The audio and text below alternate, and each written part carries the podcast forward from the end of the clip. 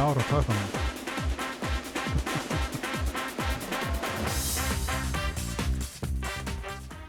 Góða kvöldið Það er Stimmi Snikka sem helsar hér 31. oktober og 7. umferðin í Ólistil Karla er langt komin, fjórulegjum lokið og við erum hérna mættir Andri Berg Haraldsson og Benedikt Gretarsson mættir í stúdíó með mér í fjárveru Tetta Ponsu og Arnarstaða, velkomin drengir Takk fyrir. Hvernig, Takk fyrir. hvernig eru þið? Bara uh, drulli fín. En það? Já, já, já, ég er bara góður. Það er gott að heyra, en þú Andri minn? Bara aldrei er betri. Það er gott að heyra. Heyrðu, hérna, bara takk kærlega fyrir að koma og aðstofa með við þetta í fjárveru drengjana. Við ætlum hérna í kvöld að, að eh, tæta okkur í gegnum hérna sjöfund umfyrir eins og ég saði. En áður en við gerum það, þá sendi ég Arnadaða Erlendis til þess að fylgja völsurunum og hann hérna settist niður með Snorrastin Guðjónsson í dag og, og, og átti við hann stutt spjall sem við ætlum að hlýða hérna í byrjun þáttur og áður en við höldum lengra. Þá bara ætla ég að skipta yfir á Arnadaða. Já, komið sælblessu að sérfræðingurinn hann er bara í beinni frá Benidorm og eh, ég er búinn að þefa upp Snorra Steinn Guðvansson, þjálfara Vals. Snorra áðurum fyrir að ræða leikin sem er á morgun uh, segur um móti ungarska leginu síðustu viku. Menn er aðeins farin að tala það niður. Uh, heyrður, eða sástu umalega hjá Stefán Rafni í síðustu viku?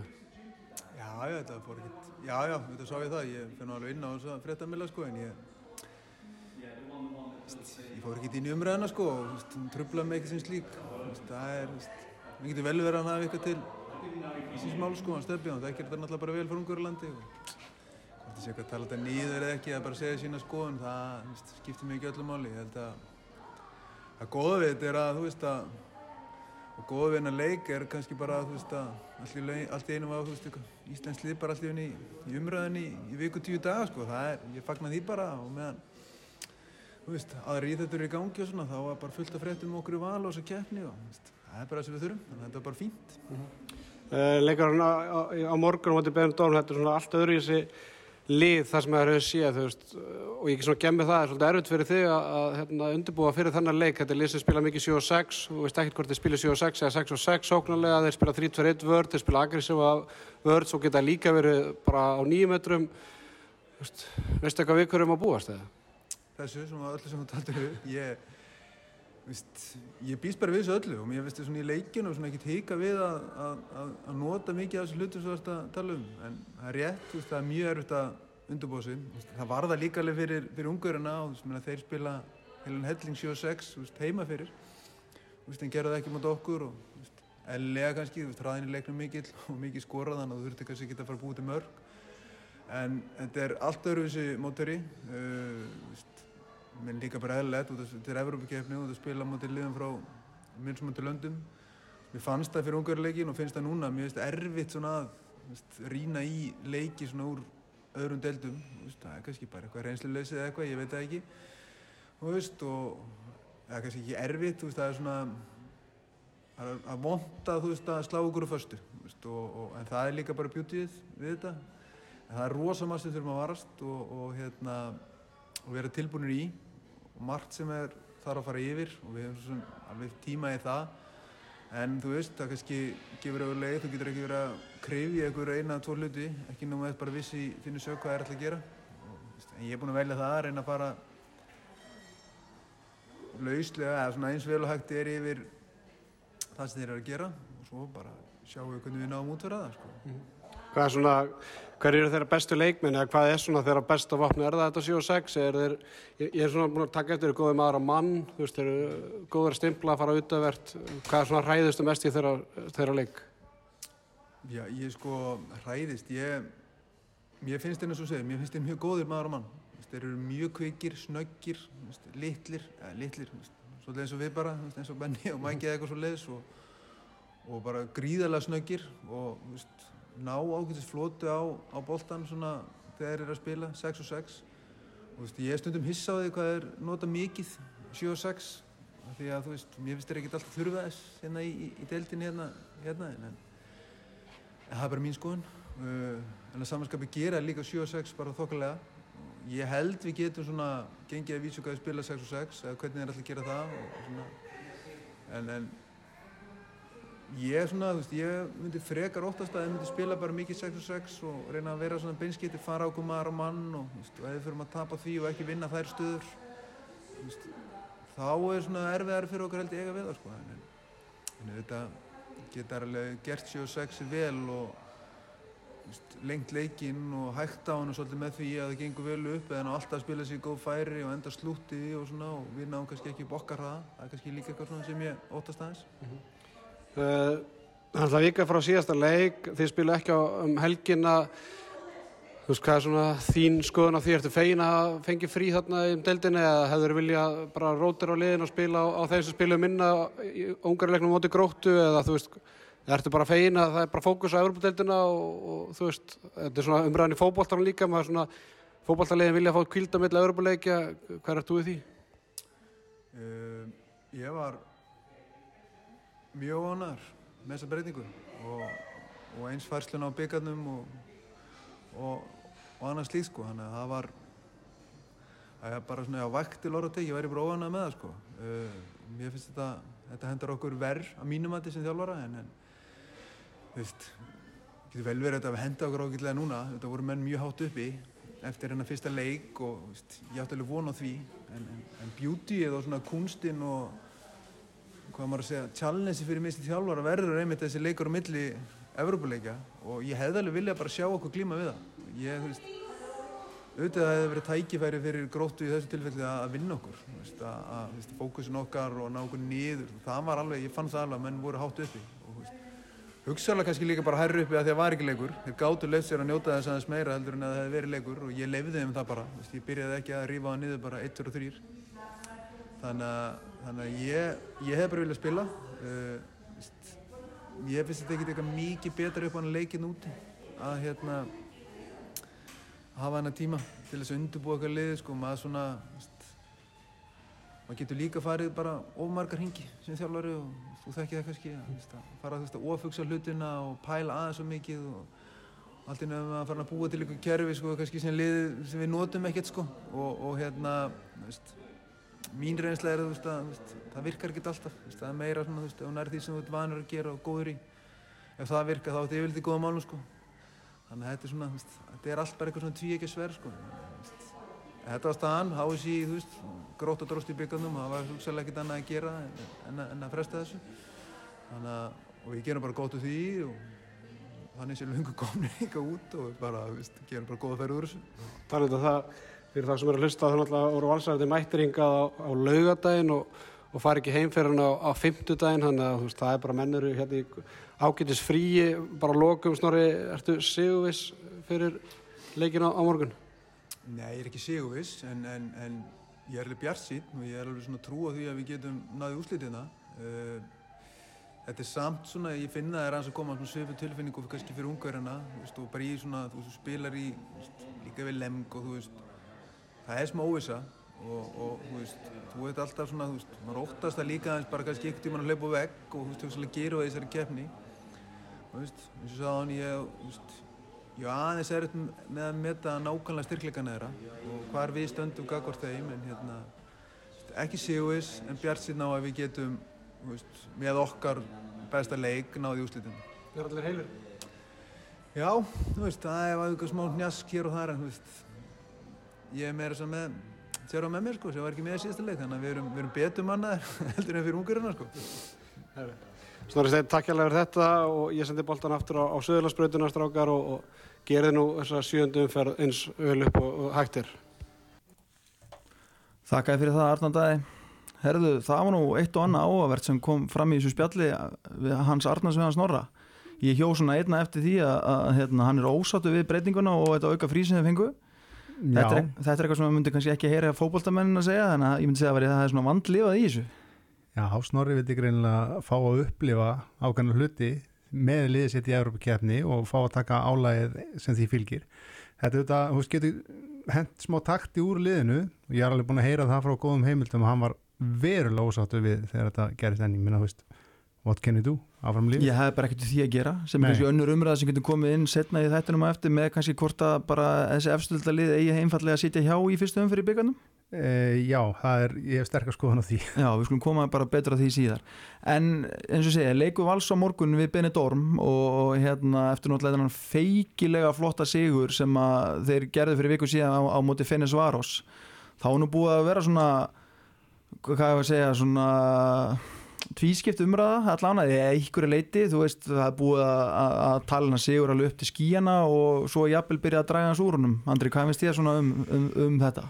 Uh, mér finnst það bara frábært sigur, finnst líka bara frábært að valju síðan þessari keppni og bara svona, koma íslensku deildinni að svo kortið en ég held að það sé svolítið erfitt fyrir mann að meta eitthvað styrkling á liðinni, menn þeir eru með frábæra leikmenn uh, veist, mér fannst það bara frábært sigur Já, og, bara ekki spurning. Nei, nei, og eins og þjálfur er kannski Fennis Áras kom inn á bara þú veist, þeir eru ennþá að vinna í sínum hraða og kannski bara valsmenn komni kannski aðeins lengra á þessum tíðanbúndi í tíðanbúlinu ég held að ungverðin sé ekkert fannir að svitna yfir þessu. Þetta er eitt leikur sem fór í vaskin Já, já, ég held að þeir hafi líka bara þeir vissu að Valur var að spila svona handbólta en ég held að þeir hafi ekki alveg gert sig grein fyrir að þeir væri að spila svona handbólta þeir lendu bara að maður sá að þeir voru bara að byrja að líta hvern annan og hvað ég var að gera. Já, varandi það hversu stert þetta lið er ég meina lið sem er með mata leka, leka í sínu liði það er ekki liðlegt handbóltalið sko. Það, það er bara lið sem á að geta unnið nánast hvað lið sem er sko, þannig laga sko. þannig, að, þannig að ég held að Stefán Rappa þetta er kannski aðeins búið slítið úr samingi sko, eins og hann hafi bara verið að urða eitthvað yfir valsarna þetta var bara svona hans skoðun að, veist, hvar þeir stæðu akkurat núna, veist, hann sagði líka haugarnir myndu bara þess að geta unnið eh, fullt að liðum þarna ef ég, ég man rétt og með við leikin í kvöld þá, þá, þá var hann að verulegum villigötum já, já og ég, einmitt, kannski, ég hjó eftir því viðtalið sem að hann Stefan Átni tók við hann Bjarkam á fyrir vetur sem hann talaði um, jafnvel kannski að valsararni gætu verið fjóruða, fymta sæti þú veist hann alltaf ekki séns í Pík Seged og Vesperem svo er hann kannski tvö önnu lið og Fenes var eitt af þeim sem svo ætti raunur valur að vera bara að geta verið í kringum fjóruða, fymta sæti í þessari delt þannig að þú veist Já, þetta er bara raunheft Já, Já. en svo kannski, þú veist, meðan að leika morgun gegn Benidorm, en að eins og við heyrðum þá félagin að tala saman úti, þú veist það er eiginlega vonlust að spá í þetta. Þú veist, fara þær í 7 og 6, verða þær í Indianaverðin út á 9 metrum, þú veist, þannig að kannski, þú veist, það verður bara reynilega gaman, menn að Benidorm var yfir á móti Flensburg fyrir viku síðan 1916 í hálfleik og, og, og töpuðu svo með einhverjum 5-6 smörkum held ég í hérna restina, en þetta verður ábygglega hörku leikur og, og bara gaman að sjá hvernig Varsarinn takk þetta. Já, já, þetta er bara mjög spennandi. Ég vona bara að þeir gerir gott mót áfram. Já, Já, Já. maður veit, veit náttúrulega, eina sem ég veit um Benidorm er að það fá ódýra sko, stuttarmabólið þarna og það eru fulli breytar ælanda skónu hjá manni. Ég veit ekkert um þetta handbóltalið sko og bara ég vil bara treysta því sem þeir eru að segja að þeir séu kvikir og, og svona ekki eins miklir dunkar og hérna ungarskalið spilir svona meira aggressíft og, og, og hérna getið svona já, bóðið upp á það sem ég elska 7 og 6. jú, jú Ég er ekki, að, ég er ekki aðdóndu þess Nei, ég sagði þetta, ég maðurinn sagði sem þetta líka í alveg. Já, eini maður sem elskar þetta var sannlega að taka viðtalið fyrir okkur annað elendis, en hann Já. er örugglega mjög spenntur að fá Hann að, er hérna, verið vel hólkaður fyrir einhvern já, að fylgjast með þessu og svo bara svona rétt á, með kveðum þessa umræðu þá ætlum ég bara að minna hlustundur á það að hérna, hann 22. november þá koma Flensburg í heimsók sem eru nú sennilega langsterkasta liðið í þessum reyðli og hérna, það er miðasala sem fer fram á tix.is og veit hann hefur farið vel á stað og tala um eftir hann að flotta sigur hann að ég hvet bara alla handbólta og að menn til þess að, að hérna, skella sér inn og kaupa miða því að eins og við höfum komið áður fram í þessu það er ekki oft sem að ég segi þetta en við ætlum sér mikið öll valsar allan í þessari kefni Það er alveg óvægt að halda Já. val í þessari keppni Já. og ekkert að skamma sig fyrir það. Nei, ekki Hann- spurning heldur betur Herðu, þá ætlum við bara að kvæðja þessu umræðu bili og skell okkur í það sem við komum nú hinga til þess að gera og það er að fara yfir ólísteldina það sem að henni lauk eða þessari svona slitróttu sjöundu umferð svona lauka hlut, hluta til í kvöld með leiks uh, hauka á fram og hérna maður sjá svona og það er nú bara skemmst fyrir því að segja að, að, að rakfærir hauka halda áfram eftir hennar leik í kvöld. Uh, framarar vinna hennar leik uh, 34 tu- 32 eftir að hafa verið 10 mörgum yfir í hálfleik 12-22 og hann er kannski svona þetta var svona rest og rusl mínútur haukar kannski svona hótuð aðeins undir restina en, en, en enn og aftur erum við bara að sjá ríkalega dabra byrjun hjá haukum í þessum leik. Menna skemmt frá því að segja 11, þegar 11 mjöndur eru liðan reiknum er Rúnar Sýttirsson búin að taka tvö leikli og sko framarar við munum tala um hversu flottir þið eru og eftir en við verðum eða bara að byrja hvað er að gerast í hafnafjörunum Benni? Sko ég set stórt spurningamerki við það hvernig liðið mætir inn í leikina veist, guðmi góður, það er búið að tala um þetta í allan vetu hversu flatir eru. Á móti FH eru konir í vondastöðu bara 1 og 3 og það er búið að tala um hvað eru flatir, áhugaðlausir, stemmingslausir mæta heimaðut gegn frömmurum og eru 11-4 undir eftir ykkur nokkra í mínútur. dú or dæ leik. Í, í leik þar sem þeir geta svona ok, svörum röddum, Þú Já. veist, e- við erum. Þú veist, þe- þetta var bara pínlegt á að horfa, ok, Rúnar tekur leiklið eins og segir í stöðunni 8-3 minni mig. Já, og aftur í 11-4 Mhm. og 8-3 leiklið var uh, svona á rólegunótum, stráka minnir við verðum aðeins að fara að vakna hérna. Mhm. ok, þjálfur að hafa sinn, sinn háttin á. Í 11-3 það hefði ég viljað sjá örlítinn hárblásara. Mhm. þetta var bara eins og sko strákar, þú veist, hamsturinn tjörfa var að degi í gerð, við skulum halda þetta smá kyrðastund og, og bara vera rólegir og eitthvað, veist, ég alveg drullið ykkur í gang. Já, 22-12 í hálfleik á heimaðallega móti fram, þeir eru ekki að spila móti val. Nei, nei með fullir framar undir, undir þetta var þetta var ekkert sérstök en hérna, og svo lendaði 12 mörgum undir í setni áleik, 24-12 þá allt í einu fara menn að þóra bara að spila handbólta og, og er svona með, konum með smá attitút varnarlega.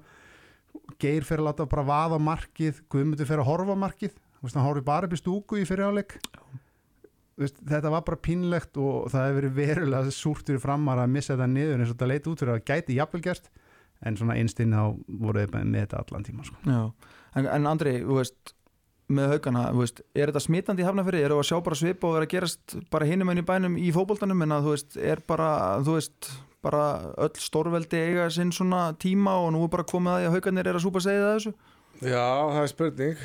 Þeir eru verið þá kannski læra af FA og kannski átta sig á stöðunni.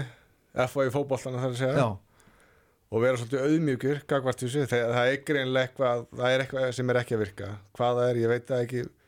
Mér finnst umræðan vera svolítið á sko þjálfaran, neikvæð gagvart honum og, og svona vera að tala um að Guðmundur Bragi og Andri Már eiga drafvagnir sem þeir eiga að gera en ég kalla svolítið eftir hérna þessum reynslu miklu mönnum í haugaleginu, þú Stefán Rapp, Heimir Óli Bamrúk uh, og fleiri, þetta eru menn sem eru hérna og geir, markvættur Íslandmestarar mikla reynslu, gæði.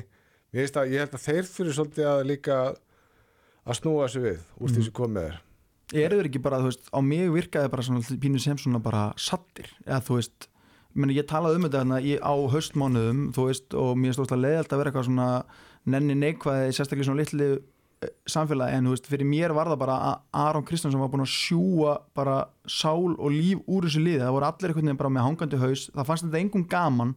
Veist, let's face it, við erum á Íslandi og þú ert að gefa, þú veist, þú ert hálfpartin að gefa vinnin og það, er, það verður ekki ríkur og það verður handbóltamar í Íslandi en það, veist, það er að vera svolítið gaman að hérna, koma aðeingar nú þekki ég rúnar ekki persónulega en á mig allir í viðtölum virkana kannski ekki svo veist, hefði ekki bara þurft að fá eitthvað, logo Ólas handbóltansan inn bara til þess að koma með stuð og stemningu þú veist, mm, þetta er, þetta er hrikalega góða punktur sko, af því að haugarnir hafa verið með svona down to earth svolítið, þeir voru með Gunnar Mag þeir voru með Patrik, þeir voru með Aron Kristjánsson og núna fara þeir í Rúnar Sigtrísson ég hefði persónulega vilja fá eitthvað svona eitthvað svona Bjarnar Fritz típu. Mm jafnvel okkar, okkar allra besta Arnadaða, e eitthvað svona absolutt. sem kemur hann inn, mölvar þetta svolítið upp veist, þeir eru konið í svona það sem að kallast undir svona legacy syndrom Mhm. eins og myndist á FA, góða punktur Leikes, Njarvík í körfinu, þú getur haldið áfram. Já, lið sem eru vön að vinna lið sem eru vön að vera stórveldi innan gæsalappa eða er að tala um stórveldi á Íslandi.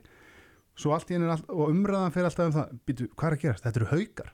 Mm bara því að þeir eru með merki framann á brjóstinu þá er allt í einu að vera bara sjálfkrafa að lappa inn í ykkur að sigra. Þú voru að hafa fyrir hlutun -hmm. og það er eins og menn séu bara vakni fyrir það núna. Herðu, við erum bara ekkert að vinna en veist, við erum haukar. Og þú veist, það eru áhörundur það eru fjölmjölamenn það eru virðast að vera leikmenn líka sem er einhvern veginn dottni bara inn í það af því að þetta er þessi klúppur og þeir voru rosa sigursælir, haukar hafi orðið Íslandsmeistrar síðan 2016 Nei, veist, ég meina, það er bara time to wake up og smell the coffee fyrir ekki or- ens- sleppuna þeir eru ekkert á þeim stað þeir sem, sem toppliðin eru í dag. Nei. og þeir verða bara að fara að girða sig og drulla sér í gang og sko svo bara svo komið rétt fram sko, ég er eiginlega ekki me ég er eiginlega meira gaggrina Aron Kristjánsson og, og hvernig hann fór með félagið heldur en, endilega rúnar sko. bara þú veist, það þurfti bara einhverja vítaminsbrötu sem kannski rúnar bara gerði sér ekki grein fyrir, þú veist, þetta var orðið þú veist, maður sá það bara í einvinu í IPI Vaffi fyrra og þar á undan á móti K og fleiri, þeir voru bara gjörsanlega ekki að nennu svo lengur En það sem ég er að segja, sko, ég, þú veist, sama hver þjálfarin er, ég, ég, ég finnst þetta líka verið svolítið ábyrð þessara reynslu með manna. Mhm. ég, mér finnst að þeir eru að standa upp, stígu upp núna. En heldur að það sé verið heitt undir rúnari, þú veist, heldur að stjórnin sé, þú veist, aftur ekkit endilega við rúnar sakast, en það er alltaf auðveldur að reka einn mann heldur en að reka sex eða sjö. Ég, ég, nei, ég get ekki ímyndað með það. Það Haukar eru búin sjö er veginn. það er ekki e- að að er líka bara allt, þú veist, þó- þótt að þessi, sko, fyrirháleikunni í kvöld var náttúrulega hörmung, það vita það allir, en ég held að, að mér, mér finnst það bara fára lömraða, sko. Já, það er einhvern veginn já, ég veit ekki, það er, það er rosalega skrítin svona ára inn í klubnum mínum akkurat núna, mm lítið mætt fólk er byrjað að svona, ja, svona missa svolítið áhugan á þessu af því að ef að leikmennir sína það ekki út á við og þeir nenni þessu, akkur á ég þá að nenn að fara á völlin til að horfa á leikmennina láttu mig þekka þetta sem F-fáingi fótboltanum, bara ég fór ekki á eitthvað sumar. þetta er, þetta er bara svona mm Mhm. þú verður að smita og þegar gleðin kemur og ástriðan skína inn á vellinum þú veist, og allt lagi að þú tapaði við leiknum ef, ef þú leggur þið allan fram og Mhm. verða, þú veist, ég verða að rósa líka þú veist, þeir komu 12 mörgum undir og voru konið niður í 2 mörgum með boltan þegar lítið eftir Mm þannig að það má alveg rósa líka þeir náðu upp smá attitúti en þú veist fram, það var allt annað að sjá þetta setja. já, sko. framan að leik guðminn almáttur, Ja, þetta var, þetta var pín, þú geta bara hrært góða skála af sko royalbúðing og hendi í markið sko. Mhm.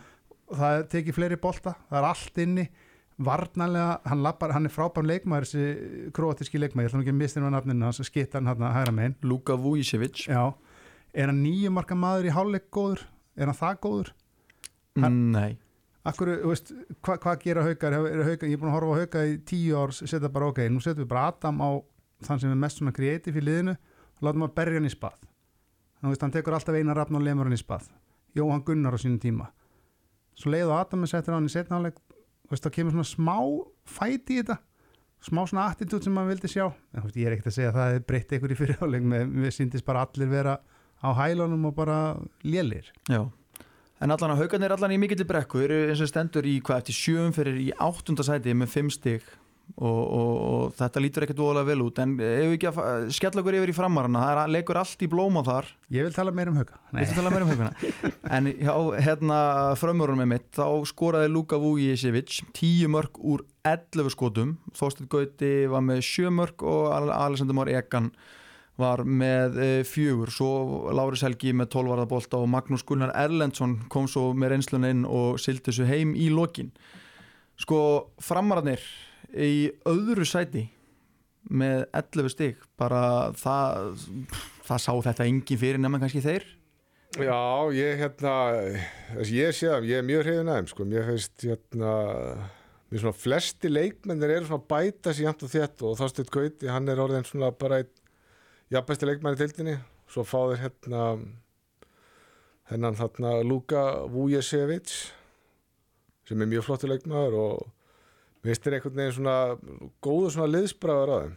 Já, bara eins og segja, við tölum um þetta í byrjun á að engin svona afgerandi veist, ég, við, við höfum pínu áhyggjur að þessu að þeir væri allir svona svipaðir en þú veist, Þorsteinn Gauti og Lúka eru svolítið svona búinir að Þeir hafa alltaf verið það undanfærin ár en Já. þeir eru samt svona verða Já. allir aðeins betri og betri finnst mér og, einhvern- og, og geta rótir að liðinu betur á þess að það veikist það geta bara, þú veist, það getur komið maður inn í í mannstað basically í allar stöðunar og þeir halda einhvern veginn alltaf sama einhvern veginn dampi sko. Já, það er bara frábært punktur sko. er maður svona, fyrst þegar maður horfði á leikskíslunar, var svona, ok ef Maggi Erlends, þú veist, er hann að var stígu upp ef að Lalli finn, finnur sig ekki svo bara kemur hann og vera hann mikið að bolta og veist, endar í 30% já, já. sem er bara frábært en bara rosalega gott og mikið rósa á Einar og Halla, hvað er búin að búa til svona þétta og góða liðselt og strákar sem hafa greinlega mjög gaman að því að spila fyrir hvern annan og með hvern öðrum. Já. Já, maður sér það. Það er algjörlega omvend við haugana þú sér Já. bara gleðin á hvað er þú veist, þeir eru gjössanlega tilbúinir að deyja fyrir næsta mann við hliðin á sér. Já, já.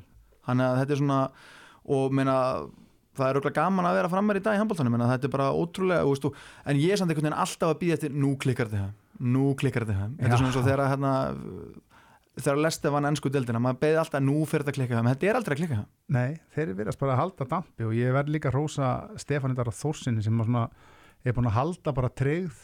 Hann er búin að vera svolítið bara alltaf hann, hann fór náttúrulega út hann í einhverja atvinnumennsku en kom tilbaka og örgulega einhverju sem hefði viljað fá hann, hann er hann þá og hann er hrikalega mikið fyrir það, hann er mjög góð varnalega og hann það og er að finna línuna, er að finna hotnin er að skila einhvern 5-6 stóðsendingum í leiknum í kvöld minni mig. Líka agaður. Mjög agaður og svo er hann með svona skemmtilegan dólk og, og svona lítir inn á vellinum það er bara leikmaður sem, að, sem að maður þarf að rósa líka og þetta framdæmi og þetta maður hefði pínu ágjur að að vera að fara allir við sumabústæðin eða myndi missa kannski eitthvað stemmingu í klubum það er algjörlega þverjöfugt Já, og bara ég er rétt að renni við næstu leiki á fram, þú veist, þeir eru í pásu í næstu umfæra þess að þeir eru búin að spila þann leik en svo eiga þeir hörð og káa í næstu tveim leikim, Já, þú veist, þannig að ekki allan að sé fram á tap hjá þeim allan að, að svo stöttu heyriði, þá ætlum við að skella okkur til uh, Vestmanneia það sem að uh, eigamenn tóku á móti F-fáingum og uh, þeim leik laug með Sigri F-fáinga 28-29 eftir að hafa verið 16-12 undir í hálflegg Markaðustu menn F-fáinga voru Einar Bræi Aðstensson með 6 mörg, eh, Einar Rödd Sindrason með 6 mörg og svo voru aðrir bara, svo dreiðis markaskóri nokkuð jæmt og þétt. Filip Döler var virkilega góður í svona setni hluta leiksins varði 17 bolta eða 38% markuslu hjá eigamönnum var Rúnar Kárasson einu sinni, sem svo ofta áður í aðal hlutverki með 11 mörg og 14 skotum. Dró aðeins á hann undir restina og Kári Kristján með 5 mörg og Petar var með uh, 16 bolta varða. Stráka, þetta var bara virkilega sterkur sigur hjá F-fæðingum eftir erfiða byrjun á þessu tíðanbili, Andri Já, þetta var algjörlega frábær sigur heffa og hérna og bara líka hvernig leikurinn spila sko, þeir voru undir allan leikin og hérna maður svona einhvern veginn, maður sá þetta ekkert gerast að FH væri að fara að vinna þetta en þess að heldur, þá var þetta bara já, bara svona karakter sigur fannst mér. Já, eins og kemur inn á, sko, IBF með frumkvæðið bara fyrstu 40 minnur leiksins 16-12 yfir í hálfleik en það er raun og verið svo hvað, að fyrstu tímyndum í setni kemur 8-3 kapli og það sem komast 19-20 yfir og einhvern veginn svona snúa leiknu sér í vil. Já, en samt í með minni nú að IBF hafi farið aftur yfir sko, svo var eiginlega þegar rauðurspildu komu. Það var einhvern veginn svona var svolítið vendipunktur einhvern veginn. Já, ef ekki bara fara, bara kannski bara beint í það við stunum komin inn í það þessi, þessi, þessi tvö rauðuspjöld á hann Jóhann Birgi og hann Ágúst Birgi það hefur búið að allan að svona vera heitar umræður um dómarana núna á, á Twitter í þessari de- deild svona. Menn eru bæði að gaggrina og, og hérna verja þá. En ég heldur getum allir þrý verið sammála um það að rauðarspjaldi á hann Jóhann er bara, er, er ekki einu svona tvær mínútur. Nei, það er algjör þvæla sko, ég held að þeir náttúrulega þeir voru ekki með var. Nei, þannig að við sáum, þeir sjá þetta bara eina reyfingu og maðurinn liggur eftir og þeir bara ákveða það á staðanum að þetta hafi bara verið í háls eða andlit eða einhvað hlýtur bara að vera og þeir hafi gett það, svo skoðum maður þetta aftur og þetta er bara þráðbein hendi, byndi í brjóskassa bara nákvæmlega eins og þetta. Gerir þetta hittur auðarspjaldi þetta er svona grófar tvær mínútur já, þetta er svona kvöld já, það, er, það er hægt að verja þú, Já, við, við myndum vilja geta gefið fjórar fyrir þetta. Já, það er svona cirka, alltaf tvær mínútur og ég held að sé alveg rétt. þetta, er réttlega það. Já. Já, ég, það var minna svona en, en þetta sem Jóhann fekk var alveg út um kortin en ég hlakkaði svolítið til að ég horfði á hann að leik sko og kamla góða tímaflækinu og hérna með umræðin á Twitter sko þá bjósti við bara einhvern mesta skandal sem ég séð í dómgæslu bara frá því að handbólti byrjaði sko þessi tvö atvik voru þetta svolítið mikið umræðinni heilt yfir var þetta bara þessi gerði alveg sín mistök að báða bóa en þetta var ekkert eitthvað, eitthvað hræðilega illa dæmdu leik Nei, en verður við samt ekki að fara fram, þú veist, að svona geta farið fram á það að þeir séu með allan að stóru atvikin rétt, þú veist, þú, vilt, Jó, þú, veist, þú, það- þú getur fyrirgefið eitthvað skref eða tvíkri sem þú missir að en þú veist, þú vilt að, sérstaklega að þessi leikmenn sem að spiluðu leikin til margar ára séu með smá leikskilning á þessu og hérna, ég held líka hérna, umræðan dó náttúrulega bara svolítið eftir leikin af því að fá vann sko. Annars hefði það kannski farið á já. meira flug. Þannig að þetta svona bjargaði þeim og veist, En þessi mistök hefði alveg geta kostað F á leikin ég Já, meina að missa í- Gústa Birgis út er ekkert eðla mikið högg og líka með Ása Friðriks að glíma við meðsli kálfa og bara ég var hálfu maður en það sást á, á uppstiltu sóknarleik F á þessum leika, hann var ekkert beint beysi, menn að þeir skor ekki markur uppstiltu sóknarleik í lok fyrirháleiks bara í ykkur tíu mínútur sko. þannig að þú veist eins og andri kemur réttilega inn á þetta kannski hjálpaði, allir villu og Ólífis ekki bara sáttir að, að F hafi þannig allan unnina leik svona til þess að þurfa kannski ekki að hérna, taka þess að umræða en þú Já, veist, ég held sko, þú veist, ef við horfum nú bara leikin í heilsinni, það var, þú veist, uh, það var þetta nú bara alveg ágætlega dæmdi leiku, sko. Þannig að, en, stóra atriðin, ég, ég ætla að reyna að fá okkur okkar flug með þetta, það er ekki að takast. Ég, það, ég, bara, ég sá ekki þessa hræðilegu ég sá þetta að, svona vafa sem atvik og svo ef eitthvað bendla við það að þeir hefðu spilað undir stjórn Erlings það er náttúrulega bara Meina, við sko. búum á Íslandi Já, og það er við erum bara tengdir einhver- 320 stræður og það er allir tengdir einhvern veginn þannig að ég ætla nú ekki að fara að saka þá um einhver óheilindi en, þú veist, en kannski ástæðan fyrir því að þú veist, ég er kannski svona að reyna gaggrina og er bara því ég býstu meira veist, þetta er meira bara, ég held, ég, ég, ég, mér finnst þeir eiga að vera eitt af topp tveimur dómarapörum á landinu hafandi spila leikin á þessu leveli svona lengi sko. Já, já, það tekur bara tíma að veist, það er eitt að vera leikmaður, annar að vera dómari og ég menna það er ekkit bara 100% að, frambærilegi leikmenn verið frambærilegi dómarar. Þú veist, það er bara eins og það er. En ég menna F-fáingarnir ríkala sterkir andlega að höndla þetta bara. Veist, Já, það já. komið smá svona læti í húsi, þeir eru búin að missa tvo menn út með raukt þeir eru með útilínuna hérna, Jóhannes Berg hérna, Einar og Einar Sindra. Já, á móti sko Ísak og Robba og, og þessum, þessum durgum öllum þarna. Já, og þeir halda haus og eru kaldir, sækja víti og gerir þetta allt hár rétt á ögu stundu. Já. Bara- halda, líka bara svona í konsepti Já. og agan og þú veist ekkert að fara að tauga með eitt eða neitt. Ríkalega vel gert. Og líka kannski bara að rósa F-fæðingu fyrir það að þeir ferðust til eiga deginum og undan. Hann að það er kannski svona þú veist, það gæti alveg að hafa reyðið bakkamönun undir restina þeir væru vel út kvildur og búin að vera þarna þú veist og allan að þú veist, það er allan ekkert að saka um það að allir ekki láta hann leik spilast vegna við þessu eitthvað og bara flott hjá maður að mæta. En annað, svo við klárum F-fæðumrána sem ég langar bara rétt að taka það sem allan að ég tek eftir og ég er ánað með að það er komin svona pínu maðafokkar í þá. Þú veist, þeir eru, þú veist, ég sá það fyrst í haukalegnum eins og komum, þú veist, Já. þú veist, þeir eru otni bara já, svona daðra við að vera svona pínu bara svona bad boys eins og Detroit Pistons voru hérna back in the day, það, er komið pínu svona föyti í þá. Já, það er bara það er bara nöðslegt því að ég, það sita nú hérna maður í stúdíónu sem þekki hversu, hversu mikið þetta er að vera pínu skítallinn á vellinu Ha. þetta, þetta er bara handbólti þú lappa bara út af vellinum og þá leikurinn bara búinn Já. og svo ertu bara mættur inn á völlinu aftur og þá bara gerur það sem þarf að gera til að vinna handbóltaleik mm -hmm. og ef að það er veist, einhver svona smá læti þá er það bara þannig. Já, en ég efast nú getur fundið Íslandsmeistara lið 20 ára aftur tíma sem var ekki með eitthvað svona leikmannliðinu þessu. Þetta er, bara, þetta er bara svona liðsheld að myndast mm sem er Og- bara reykjala flott að fylgjast með. og er líka svo stert sko þegar allir taka þátt í þessu þá er svo, er, er svo erfitt fyrir dómaran að pinpointa út að taka eitthvað sem er fautin ef það eru allir sem eru fyrir geði slettið maðafokkarar þá er veginn erfiðar að vera að gefa tvær mjöndur alltaf veist þegar þetta dreifist jæmt á þetta yfir lið þetta er bara þetta lítur orðið vel út hjá FH ég sagði fyrir tíðanbili, ég, ég kom hérna fyrir einhverjum vikum síðan, þá þetta fór náttúrulega ill af stað hjá þeim. Ég segi engar ágjör FH, þeir eru alltaf topp þremur Já. 100% það munar líka rosalegin fyrir, fyrir þá að fá hérna Gústa Byrgisinn já, það er svona það var svona einhvern veginn, það vantaði eitthvað og það vantaði hann þú veist, sem karakter leitt og svona kannski þennan hérna durt líka. Heldur betur. Herðu, eigamenn fyrsti leikur án Seitrик staða ágætt að koma inn á það hann skoraði þrjú mörki svona fyrsta leik fyrir, fyrir Alpha Heart og þeir sitt á topnum í Austuríki geðut en það sást greinilega að sóknarleikur en það var pínu geldur. Þetta fór allt í gegnum rúnar menna hann er með röglega 8-9 mörki fyrir áleik og svo fór svolítið að draga á hann svona undir restan, ég held að hann hef verið 9 og 9 þegar ég hérna, leita á á, á tímabili og svo svona fyrir hann aðeins þeir verða að finna einhverja lausnir á þessu Já, já, hann drón alltaf algjörlega vagnin maður er kannski vilja sjá hérna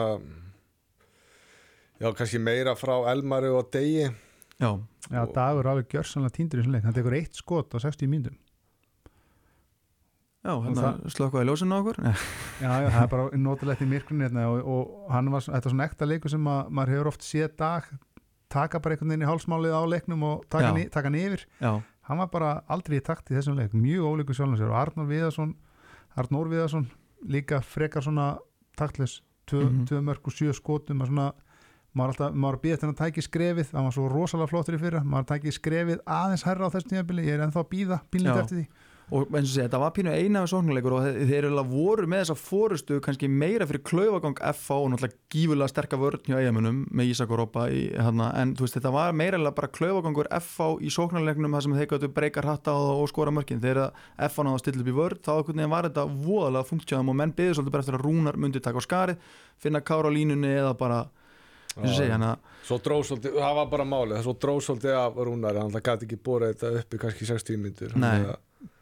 Þeir Og- voru að leita rosalega mikið að kára eins og leik sko, líka það. ofsalega mikið sko. og þetta er auðvitað ekki veist, byrjunin sem eigamenn sáu fyrir menna, þeir menna, eins og umræðan var fyrir mót þá var bara annars að bara þeirra veist, það var bara þeirra klúðra menna, þeir eru í sjötta seti með, með hérna átta stig þrjá sigra tvö jattibli menna, en þú veist það verður einhvern Íslandsmeistar í oktober og, og, en, en, en, en þetta er veist kannski eru þau bara svona hægt og rólega að þetta koma sér inn í þetta en mér finnst þetta samt döpur byrjun Já, með það sem að mannskapið sem þeir hafa og með það sem að svona sá fyrir sér, hár rétt ég er svona, ég er svona leiður á að vera alltaf að berja á umíkja Pet Peter Jókanovic en sko er þetta markmaður sem að kemur til með að skila þér titli?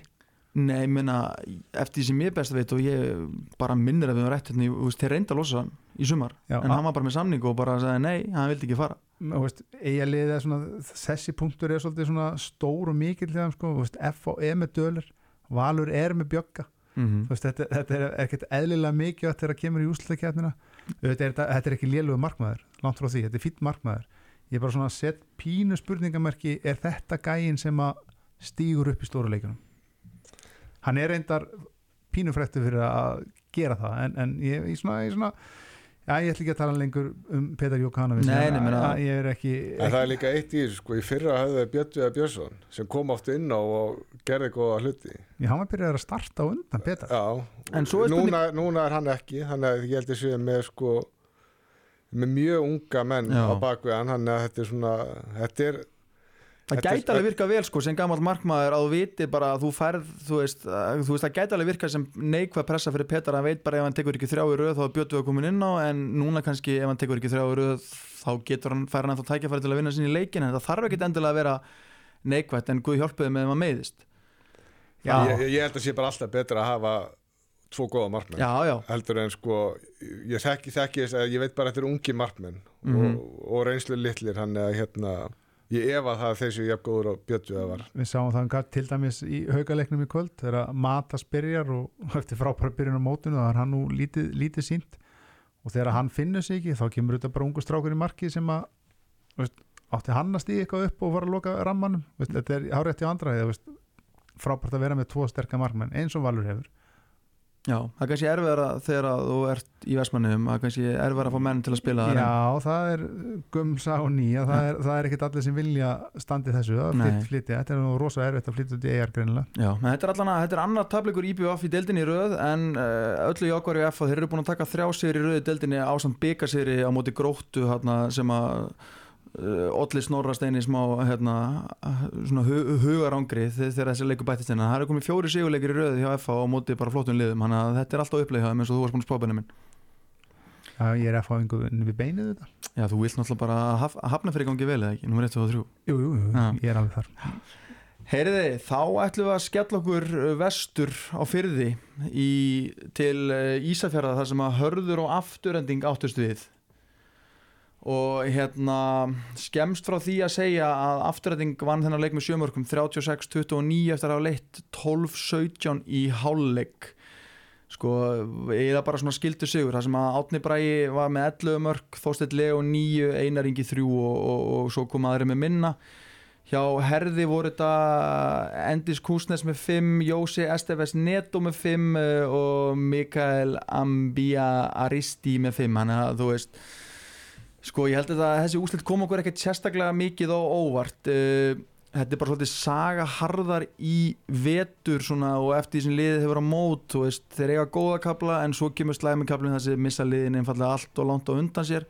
Þarna kom slæmikablin í börnunu snemma í leiknum og þeir náður unnur svona, það var eiginlega undir svona lók leiksin sem þeir voru búin að minga þannig í 2-3 en svo tók afturending aftur aftur hérna við sér og klára þetta fagmælega með, með sjö mörgum sko aftur bara líkt og áðan þá ætlum ég að fá að rosa afturhendingu bara þeir erum búin að vera á ferð og flugi þessa vikuna. Spilum við Þóra Akkurir í byggarnum á Akkurir á 15 daginn og skellt þessu svo vestur á lögadeginum þannig að þannig gerðu smá ferð úr þessu.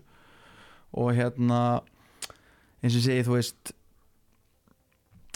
bara góðu sigur hjá það með ekki? Bara þeir eru á góðu róli og, og, og kannski lítið eitthvað svona hægt að taka út úr þessu hjá það manna en bara að hafa klára verkefnið Já, mér finnst einhvern veginn, mér finnst allt annað að sjá til afturöldingar í ár heldur en undanverðin ár. Það er að vera sko langt undir pari, síðustu svona, ég veit ekki, 2, 3, 4 ár. Það mist einhvern veginn orðið svona miklu massi var að hjá þeim. mm -hmm. Hvað heldur það sé um að heldur að það sé honum Stefáni Arnarsinni að þakka? Já, ég meina hann orðlega eitthvað í því en þeir náttúrulega sko fá Jóhann Kúkabat. Mhm. Ég held að hann hafi gefið og svo er Brynjar líka orðin bara betri markmaður. Já, já, var flottan frábær- leik. Frábær í þessu leik og hérna það bara skiptir svo miklu máli að vera með góða markvæslu. Það Mhm. gefur liðinu svo mikið búst. Það er bara svo líka, þú veist aftur, svona svo kannski FO-syndromið sem við vorum að tala með þetta, það er bara, þú veist, þú sérð hvað er gaman hjá þeim Já, það er bara nákvæmlega þannig ég, ég þurfti einmitt að horfa upp á stemmingsmunin á þeirra bekk versus haugabekkin sem hauga töpuð með einu marki fyrir þeim núna um daginn sko. afturhalding er bara að gera þetta hrikalega vel og þegar þú mætir svona lið eins og herði og ert klárlega með betra lið og betra leikmenn og betri drillað lið, bara svona liðsheild þá snýst þetta bara um að halda einbendingu og þá bara skila gæðið þeir í gegnum leikin og það er bara það sem gerðist svona á, áhverð trend að svona svona flinki leikmenn sem er svona erfitt að lesa. Ég kom inn á þeirra eina rapt skarða á sundur eins og gamla nost hérna fyrir vetur. Nú er Átni Bræði með 11 mörg sko og, og einhverja 6 stóðar að auki sko. Já, þannig að þeir eru svona þeir hafa þetta aldrei spilað á móti svona leikmennum áður og þeir eru erfitt með að lesa og þe- þetta verður allt flókjöð þeir verða bara að fara kannski ná einu leik þess að þeir eru ekki að fá á sig 35-40 mörg sko.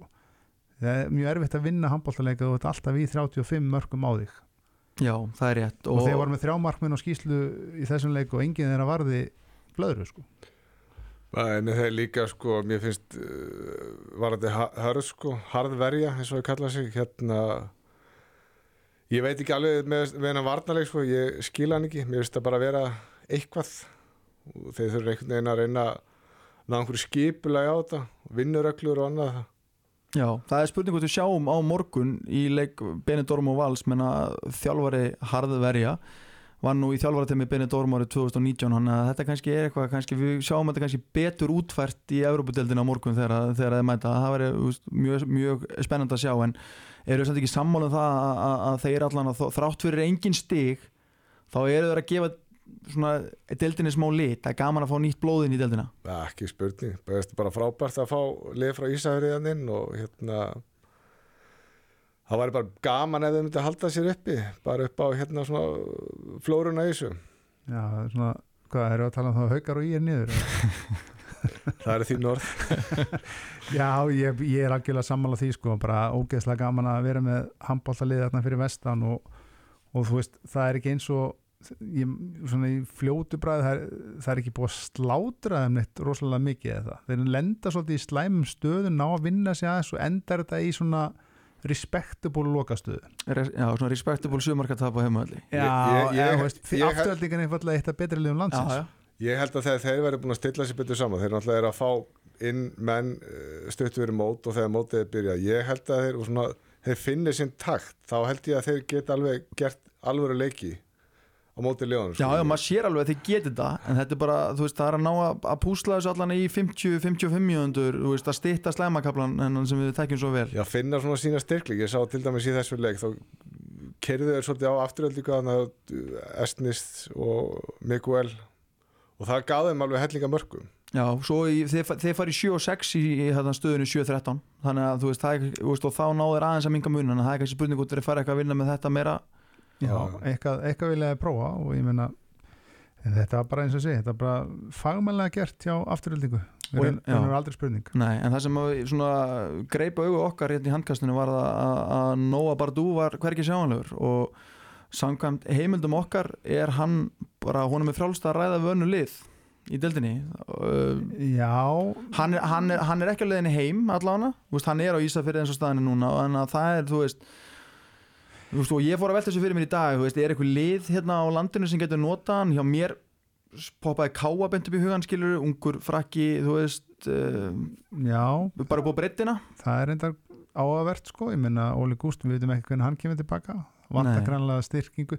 En minna, hann er nú ekki sínt með mikið þessi strákur, ég átti vona með það sem ég heyrði á honum, mm svona fyrirmót og æfingamót honum að þetta er því svona þeirra fók, fókuspunktu sóknarlega rosalega rár og óslýpaður og svona, en þú veist, kannski ekki myndi að nýtast vel í, í einhverju öðru lið og einhverju öðru systemi, aldrei að vita. Þetta, er- þetta er rosalega skrokkur. En menna, hefur hörður efni samt á því að vera að losa sig við hvað ég að segja bara, þú veist leikmenn sem geta, þú veist, spila leikinn skilur, þú veist, menna í þessum hóp er nóga bara dú þótt að kannski við höfum ekki séð það sem við byggumst við á honum þá er hann klálega örugleitin af sterkari handbóltamönnum í, í hérna liðinu, hafa þær efni á þessu.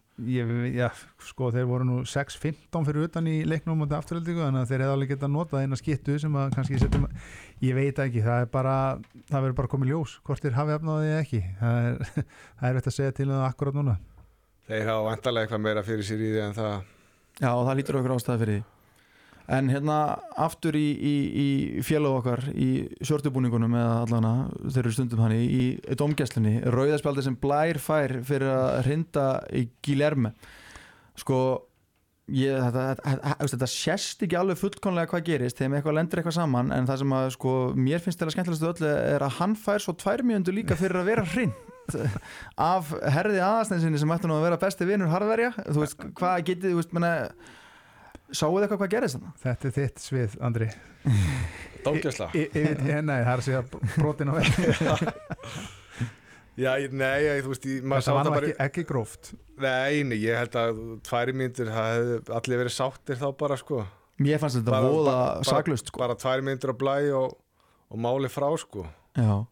og sko ég hefði eftir örugum heimildum að, að, hérna, að dómara leiksins þeim lágar hérna mikið á að komast heima þegar leikurinn fekk að rúlla vel og þeir voru bara komnir langlegin einn djúpi bara sko fimm myndum eftir að hafa búið að hérna, flauta af sko, það var bara svo þessi reikspól út úr húsi, alltaf kannski að ná heim fyrir myrkur. Já, það getur hugsast sko, en það áhugavert, að hann fekk hérna tvær mínútur svo sem var brotið á.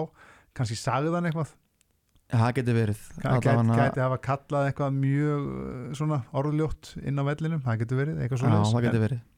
En allavega afturöðning fjóri sigurleikir í röð og tóku svo hann Þór líka í byggandum hann er komið fimm og næstu leikir hjá þeim eru Káa, Ír og Selfoss. Þannig að þeir sitja núna í, skal ég segja fjórðarsætti deildarinnar, menn á þetta er bara eru klálega, þeir eiga stefn á 60 úr, úr hérna þessu Já, ekki spurning sko. Mér finnst þið bara eins og ég segi, mér finnst þið líta mjög vel út og líka maður horfir á hérna leikmennina hjá þeim veist, þetta eru bara, þetta eru fullt af góðum leikmennum Mhm. sko, þeir eru náttúrulega búin að vera í miklu meðslum en núna eru þeir flest allir heili sko, þannig að ég hérna ég er mjög spenntur að sjá hvernig þeir svona halda áfram að þróast. Sko ég, ég er að horfa á töfluna núna bara á þessi topp 8 sem að haugarnir sitja í 8. seti eins og er. En sko þessi úslutakefni ef hann væri núna í dag, hún er í geðvögg Já, er þið reyndar, ekkert sérstaklega spennandi þannig 1-8 Nei, nei, en þú veist Nei, og, já, og, ég- já. Og, og, það mun aldrei verða það öruglega, en þú veist, allir, allir hinni leikinni, það er bara, þú veist, þið geta farið hvernig sem er. Já, sko, ég held, held mig við það sem ég sagði og er búin að segja allan vetur að efstu þrjúsætin eru Valur, FH, IPVF að mínum mati. Svo er fjórðasæti orðið áhugavert því að þar myndi ég segja afturhelding og framværa svona að gera sterkasta tilkallið svo er hitt bara upp í loftinu sko, 5, 6, 7, 8 Þú veist, Mhm. erum við að tala um uh, stjörnuna, erum við að tala um uh, gróttu, hauka. Ekki gleyma því að þeir eiga inni þrái Norra og Stefán Rapp spilaði ekkert í, í kvöld. Hann er mæntalega þá einhver mittur aftur kall greið að fá svoleiðis karakter inn í hópin það getur gjör breytt þessu. Þannig að veist, þetta verður mjög áhugavert en fyrstu þrjú voru mínum að þið alveg bara gerneld og þeim hafa mín orð fyrir því að þessi þrjú lið verða í þreymur eftir sætunum Já, ég heldur þurfum ekki að vera ágjör haugarnir þeir munu klífa upp töfluna kannski ekki alla leið upp í tóf fjóra en þeir verða ekki áttundarsæti þeirra þeirra mótur flöta Nei, þeir ættu, ættu, ættu svona stefna kannski 5. til 7. eitthvað svo leis Já, Ég get alveg séð fyrir mér að afturhelding færi að því topp 3 sko Já, ef þeir haldast heilir og halda svona þessu rytma þá held ég að Ég þeir því. geti, hérna Já, verið bara mjög ofalega sko svona þú segir það, þá kannski er IBF ekkert að stressa sig á því hvort þeir lendi í þriðið eða fjórðasetti sko. það vilja bara vera heilir þegar úrslutakefni byrjar og kveikja þá á ruglinu sko. mm Já, Herðu, þá er að síðasti leikur þessar umferðar, allan sem búin er í billi, það er hérna IR Selfoss 26-35 fyrir Selfossingum eftir að hafa leitt 13-17 í hálfleik Ísak Gústafsson var markaðastur hjá Selfossingum með 7 mörg, Atli Ævar 6 Einar Sverjesson 5 og aðri minna. Uh, Rasimas var með 14 bolta var það í markinu. Hjá Íringum voru það Arnar Freyr Guðmundsson með 8 mörg Dagur Sverri 4 og aðri minna. Og Markvæslan dreifðist á milli Rökkva og Ólas Rapp sem voru með fjóra varða bolta hvor sko leikurinn er jafnvægi framan af en, en, en hérna selfinsingar klára fyrir áleikin vel og svo fyrstu fjórum sko ef við tökum bara sko síðustu fimm í setni fyrstu fjórar, nei síðustu fimm í fyrri fyrstu fjórar í setni þá tapar í er þeim kapla með áttamörkum og bara hvað getur þú sagt um í ég menna er bara, er, er partíið búið Benni?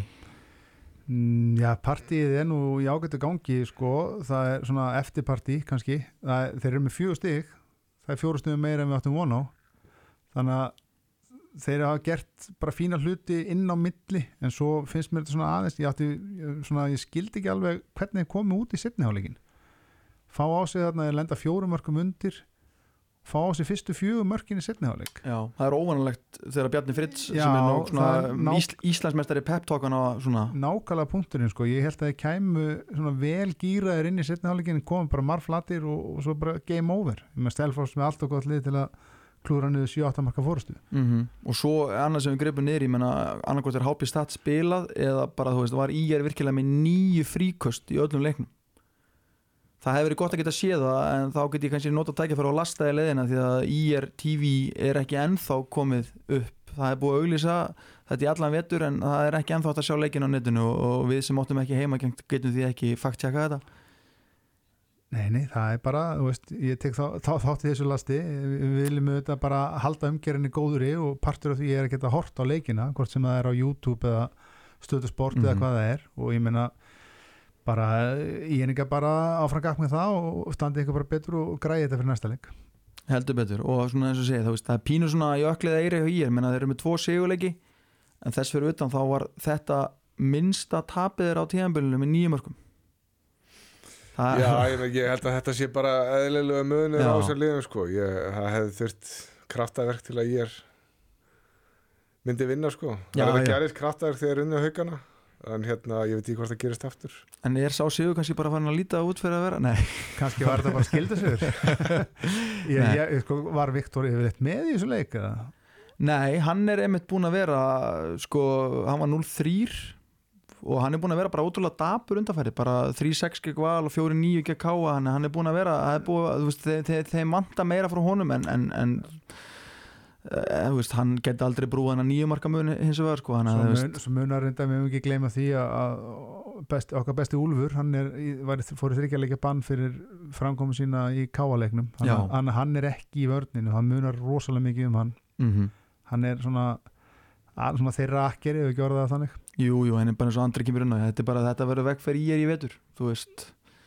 Þeir eru með fjó, fjóru stöðu meira heldur en við, við, við hérna, byggumst við kannski á þessum tíðamóti og get, geta bara prísa sér sæla að hafa kannski fengið hörð áður en að þeir voru búin að móta sitt lið almennilega saman. Þannig að það verður gaman að sjá þegar þessi lið mætast síður árinu. Já, þeir þurfa bara að vera tilbúinir þegar hérna hinn liðin mæta ekki klár til leiks. Þá þurfa þeir að grípa Já. gæsina. heldur betur. En selfisingar, menna, Andri, eru ekki bara, menna, er ekki bara Kútos og Þóri, menna, hann er að gera ótrúlega vel með hann hóp sem hann hefur, menna, við vorum ekki sérstaklega bjart sínir við handgarsbræður í byrjun tíðanbils fyrir, hérna, fyrir tíðanbylun í hann. Jú, ég, hérna, ég sá nú fyrsta leikin á, á móti fram og mér varst það ekki svona heitlandi og mér finnst þeir hafa bara vaksið þeir eru með bara flotta leikmenn í flestum stöðum og hérna bland við líka svona mikið ungum aðna, líka leikmennum Mm -hmm. Það menna, það eru 12 uppaldir Já, af 16 í hóp hjá Selfoss. já, það er bara frábært. Það skila sér yfirleitt í áhuga fyrir að Já, spila fyrir og, liðið og Atli Ævar og Guðmundur Hólmar og svo eru þau með Karolis og Vilnius Rasimans menn hann, þú veist, þeir eru virkilega fyll, þú veist, þeir eru með góða raun og aðkomumenn Já, það er plan, latri, sko. ef þú ætlar að fá þér aðkoman þá verður að vera leikmann sem styrkilið Já. ekki bara sem situr á bekknum og við franglaði sko. Ég held að sé líka að það, mér finnst einhvern veginn að það er engin pressa á Selfoss í ár þannig að ég held að þú veist þeir getur bara haldið áfram og vonandi bara gefa líka þessu strákum ungu svolítið hérna breyk þannig að þeir ná að þróast áfram. Heldur betur. Hvað er að gerast þetta? Er þetta að segja mér að upptakan sé stoppuð? Nei. Ég byrst afsökun á þessu færeski tæknumæður mættur. Við erum alveg up and running svo, sko, sko, þið fengur fyrir hjartað. Já, þið getið ekki ímyndað ykkur hvernig mér leið. Þannig að hlustandi þið verðið bara að hérna, fyrirgefa með það. Þetta er fyrsti þátturinn sem ég stýri á, á, á ferlunum þannig að ég ætla að vona bara að ég sé að komast nokkuð vel frá þessu. Þannig að þið eru bara með okkur í þessu öllu saman. Þetta verður one take. En hérna svo komum við aftur að, að hérna selfinsingum en að þú veist Vilnius frábær 42% vasla spilar réttur um að bara 40 mínútur Sverri Pálsson með 6 löguleg stopp þannig að þú veist þeir sitja þægilega bara í þriðasetti deildarinnar. Eitthvað sem að enginn held ég sá fyrir nema að kannski þeir. Já, ég held að þeir hafa nú ekki einu sinni sé það fyrir sko. Ég meina fyrir tímabili þá var ég með self og svona níunda sæti, kannski 8-9 Já, mestalagi sko. Eins og þetta lítur út núna og með hvernig þeir eru og takturinn í liðinu og þeir eru með betri leikmunum dildarinnar í einu sverri sinni og ég meina allir komin aftur frábær sóknarlínumæður Guðmundur Hólmar, góðan markmann spræka unga stráka í bland. Ég meina ætti Selfoss ekki bara að vera að gunna á 15-17 seti Jú, meni, ég, það er örugglega bara að fara að geta niður ormi, meni, ég held að þetta væri léleg samsetning á hóp, mikið á ungum, mikið á gömlum, ekkert svona þetta millibil. En það bara virðist að vera að virka vel hjá en eins og segir, þeir eru með tvo, svona tvo þrjá að betri leikmennum deildarinnar í sínum stöðum. Menn allir ævar og eina sverris og, og þannig, að, þannig að þetta er bara og um menna, með ríkala sterkan heima þannig að þú veist, þetta bara bara klukkan í gleði á, á Selfossi. Já, og líka bara stórt high five á Þóri Ólafsson. Já, þú veist, það má ekki gleyma því að þeir missa þetta eitt reynslumesta þjálfara landsins í Halldóri Jóhanni. Mm og Þóri stígur hann inn bara eins og mann fekk svona tilfinninga að svona, æ, ok, ég teki þetta maður. Veist, ég er selfisingur jú, jú, áfrangak en svo er hann bara greinilega ná til sinna manna og þeir hafa vaksið með hverju raun og, og bara með hvernig lit út í fyrsta leikin eins og Andri sagði að móti fram það, við vorum ekki bjarsinni þá. En veist, voru, ég, ég er búin að sjá reynda bara einu sinni live svo við bara séð á sjónarspil en á móti haugum svo ég það live og þá áttu þið bara taka stig og jafnvel tvö þetta er bara gott lið og, og hérna mikið hrós á þóri eins og sé. Já, og þetta eru einu tapleikið þeirra árunum en þessi, þessi, þessi framleikur í fyrstu umfyrir og svo þessi hérna raun og veru tæpi leikur á móti haugum hana. Já. þannig að þetta er bara hrikalega gott. Herðu, þá erum við búnir að fara yfir þá leiki í sjöundu umferð sem e- eru spilaðir Eh, það er leikur núna á fimmtudaginn Káa Stjarnan og honum var frestað vegna þáttöku Káa í Evropakefnum um helgina þar sem að hérna þeir sigruðu fyrirleikin en töpuðu svo setið með fjórum mörgum og eru því úr leik. Menna Andri, er þetta ekki bara að þú veist voru við að búast við einhverju að, að KM myndu ná að fara í næstu umferð? Menna með hvernig hópurinn er samsættur á, á, á þessu, þessum tíðanbúndi Nei, valla. Ég held að það það hefði þurft ég, kannski kraftaverk en kannski bara ágætt líka verið þá að bara geta einbætt sér bara dildinni Já, bara geta tekið út menna, þú veist, þið gáðu þessu liði leik Já. menna, unnu hérna fyrir leikin og Já, þetta já. er röglega líka bara þéttir hópin það er eins og við þekkjum allir að fara sa- saman í svona ferð þetta er bara þéttir hópin og þeir komu röglega tvíeldi til leiks og ég held að menna, stjórnum er ekkert eitthvað hoppandi káttir að þurfa að fá það endilega, þú veist, þótt þeir séu búin að spila tvo erfið leiki, þetta getur líka bara peppa mannskapin ég held að það sé bara góða punktur sko. ég held að veist, káa, ég held að káamenn hafi nú alveg verið á jörðinni varandi það hvað það færi langt í þessari keppni þetta er bara eins og segir þetta er bara gott tækjaverið til að slípa saman liðið slípa saman móralin og svona, veist, þetta getur gefið en gott búst að því sögðu þá er þessi leikur sko, stjörnunar að tapa í mínum mati. Þeir eru með betra lið þeir eiga að vinna káa, Mhm. finnst mér. Sérstaklega er að Óli Gúst er ekki með en ég meina sjáum bara hvað setur. Það verður mjög fróðlegu leikur. Heldur betur og svo kannski framaldi þá fóru fram hérna þrýr leikir í byggarnum núna á síðast, síðastliðin 15 dag uh, þar sem að FH sló gróttu út afturönding uh, sló Þór Akurir út og fram sló fjölni út. Bara allt eftir bókinu og menna, Benni við rétt komum vinnandi byrjun þátt að menna, eiga bara ekki bestu liðin að setja hjá í sem 32 úrslutum og, og heldur hann að vera að mætast þarna og þú veist, hann eru búin að missa út strax gróttu. Þetta er í raun og veru finnst mér borðleikandi að 12 bestu liðin fari bara beint í 16 liða og svo fáum við bara fjóra jókera inn sem er það bara skemmtilegt æfintir fyrir þá. Mm það er ekkert, þú veist, það er ekkert byggar keppnin eða handbóltan til framdráttar 32 úrslit F á haukar. Veist, þetta er ekki það sem við viljum sjá. Nei, við viljum sjá þetta þegar þetta er orðið svona on the line sko og final, tala nú ekki um í final four sko. Já og meina ég sem telur mig vera þokkalega vel innminglaðan í handbóltan þessi leiki fóru næstu því fram hjá mér sko. Ég bara, Já, var já, bara slempi lukka ég rakst á þá þegar þeir voru að eiga sér stað sko. Ég er bara, ég er algjörlega sammála ykkur.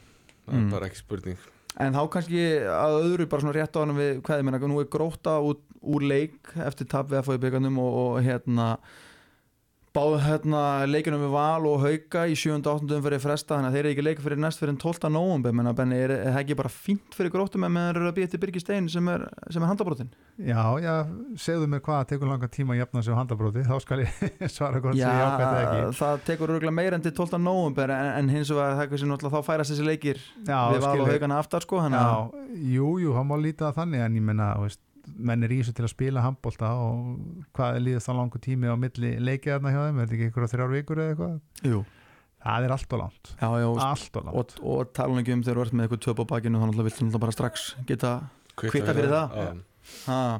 Herðu, þá held ég að við sinum að vera nokkuð tæmtir, bara rétt að renna yfir næstu leiki, uh, það er á fimmtudaginn, Káa Stjarnan í, í, í sjöundu umferð, strákar spá fyrir það, eða tákn bara, tveir, Tveir samáleiku þar, svo er það áttunda umferðin, þar hef ég leik eh, með leik afturhending og Káa, einn, Einn, samála, F á hörður, einn, einn, samála, Stjarnan í er x. Nei, einn. Einn. Og Valur Selfoss, Tveir. Uh, þetta er einn. Ég seg- ég segi tveir. Þú segir tveir, tveir á Selfoss, já, ég já, nei, ég held að Valur sé aðeins stór baki Já. Við erum ekki, er búið, er búið að vísa haugum bara úr deildinu eða er það ekkert að spila eða? nei það, það eru bara akkurat eitthvað þeir eru að fara til kýp. Já, já, já, en ég veit að við erum ekki sterkir í feninu Benni, en við gæð, þetta ætti ekki að klúrast já, já. Ha. en drengir ég bara þakka ykkur kellaða fyrir komin í kvöld. Miklu frekar. Og bara ég, já, ég vona þetta hafi gengið klaklust fyrir sig. Menn að þið fengu áhverjandu góður eða hlustendu góður, þið fengu gjössanlega bara allan pakkan beint í að það sem ég fekk svona nett taugafallan undir restina þegar ég held að upptakan hefði klika en hérna ég vona bara að þessu að vera komið svo vel til skila og svo verður nú sérfæraðingur að mættu með eitthvað þegar hann kemur sólbrotn og sæll beint frá beinin dorm eftir eh, nokkra daga. Þannig að styrmis Nikis þakka bara að kjalla fyrir sig í kvöld og bara þangur til næst, bless bless